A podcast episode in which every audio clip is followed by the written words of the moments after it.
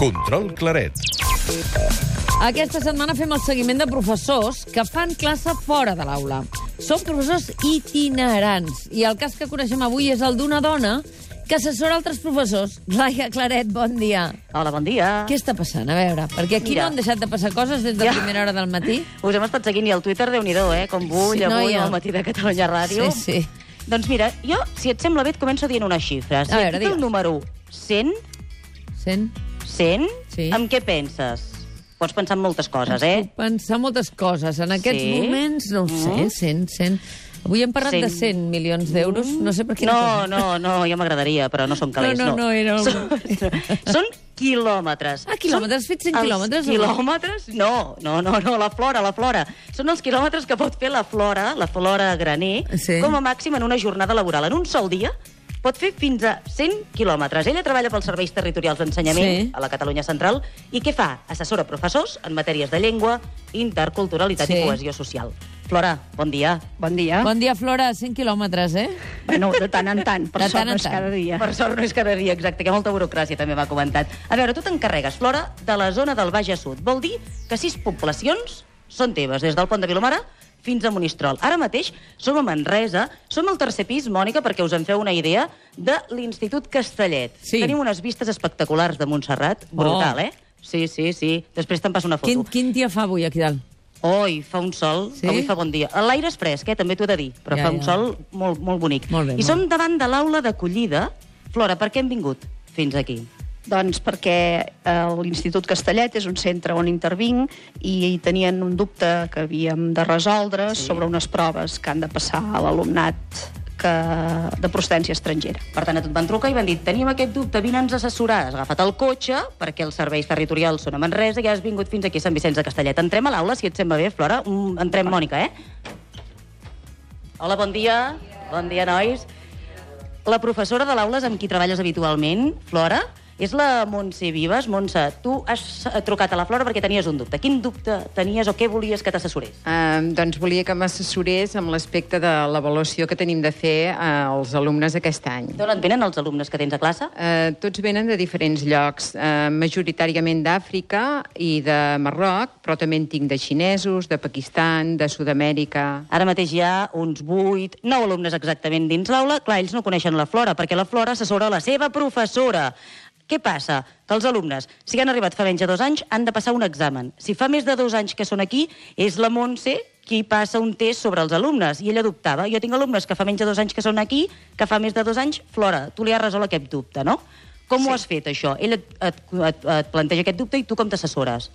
Doncs la, la Montse, la directora, em va traspassar el, la consulta. Mm. Eh, naturalment, jo em vaig mirar tota la documentació per veure si en algun lloc quedava clar la resposta i com que també dubtava sobre el que m'havia demanat, vam fer la consulta directament a Barcelona, serveis centrals, i un cop estava clar, doncs ara venim aquí i ho resolem. Avui li has vingut a resoldre el dubte, però fa anys que estàs vinculada amb aquest institut. Tu no només vens puntualment. Quants anys fa? Que hi vens de manera freqüent, eh? Uh, aquest any és el que menys freqüència hi vinc, però he estat, uh, bueno, sis anys. Sis, anys lligada en aquest institut. I també tinc al costat la Montse Vima, que és la cap d'estudis d'aquest institut. Montse, bon dia. Hola, bon dia. Aquí tothom es diu Montse, eh? per proximitat sí. amb Montserrat. Estem al costat de la muntanya. Per què ha vingut amb tanta regularitat la Flora? Doncs bé, a part dels seus assessoraments lingüístics, també hem fet bastants cursets de formació i llavors ella ha estat formadora nostra. Fa quatre anys, per exemple, vam començar a fer el, el grup impulsor a la lectura, que es diu ILEC, i hem estat durant tres anys, ara ja anem per lliure, perquè ella només ens assessora de tant en tant, per treballar la lectura amb tots els alumnes, que nosaltres ho fem durant tota l'ESO una hora cada dia de lectura. Una hora cada dia de lectura i ella us ha assessorat. Però això no és tot, Flora, perquè a més a més també has treballat amb bibliotecàries de tot el Baix Sud i amb professors i mestres també de totes les escoles per impulsar eh, un pla lector d'aquesta zona. Posa'ns exemples de què fa aquest pla lector. Bé, el Pla Lector és un exemple de treball en xarxa en què totes les escoles del Baix Sud, des de mm, infantil, bueno, des de les escoles bressol sí. fins a secundària, hi són representades i en allà mm, tractem aspectes, és un grup de treball, tractem aspectes relacionats amb la lectura als centres. Per exemple, per em deies una marató de contes, m'has Sí, explicat abans. fa uns anys aquí a Sant Vicenç es va començar a fer una marató de contes per Sant Jordi, en què a les places s'hi- posen escenaris, eh, pares, mestres, nois, voluntaris expliquen contes, i tots els centres de la ciutat del poble surten aquell dia a escoltar contes. I també porteu autors que dius que costa una mica, no? Si el centre és molt petit, a vegades fer una lectura d'un autor costa portar-lo, però si us ajunteu tots i tu vas d'un centre a l'altre i dius, ep, que aquell centre fan allò, feu això també, mm, potser és més fàcil de portar autors. Exacte, eh, fem una lectura comuna, tots els centres, tant a sisè de primària com a primer de batxiller, ai, de, de ESO, ESO. Cada curs fan la mateixa lectura i això permet que l'editorial ens faciliti de forma gratuïta doncs, l'autor, en cas que sigui viu, i una animació lectora. A més a més, tenim un fòrum on llavors els alumnes dels diferents centres poden opinar sobre el llibre, el poden comentar, etc. Tu no pares. Per acabar, inconvenients de la teva feina. D'anar un dia a una població, al matí un altre, un dia em vas dir que dimarts que ve tens una xerrada a Vic i tot. Quins són els inconvenients de ser un professor itinerant? No ho sé, a mi m'agrada.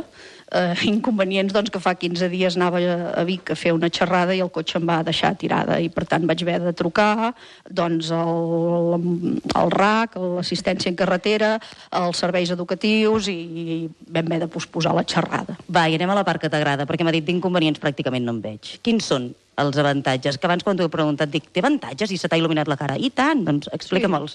És una feina que m'agrada perquè és molt variada, perquè et permet, eh, després de tants anys de docència, veure les coses des d'una perspectiva una mica diferent, però sense perdre contacte amb els centres.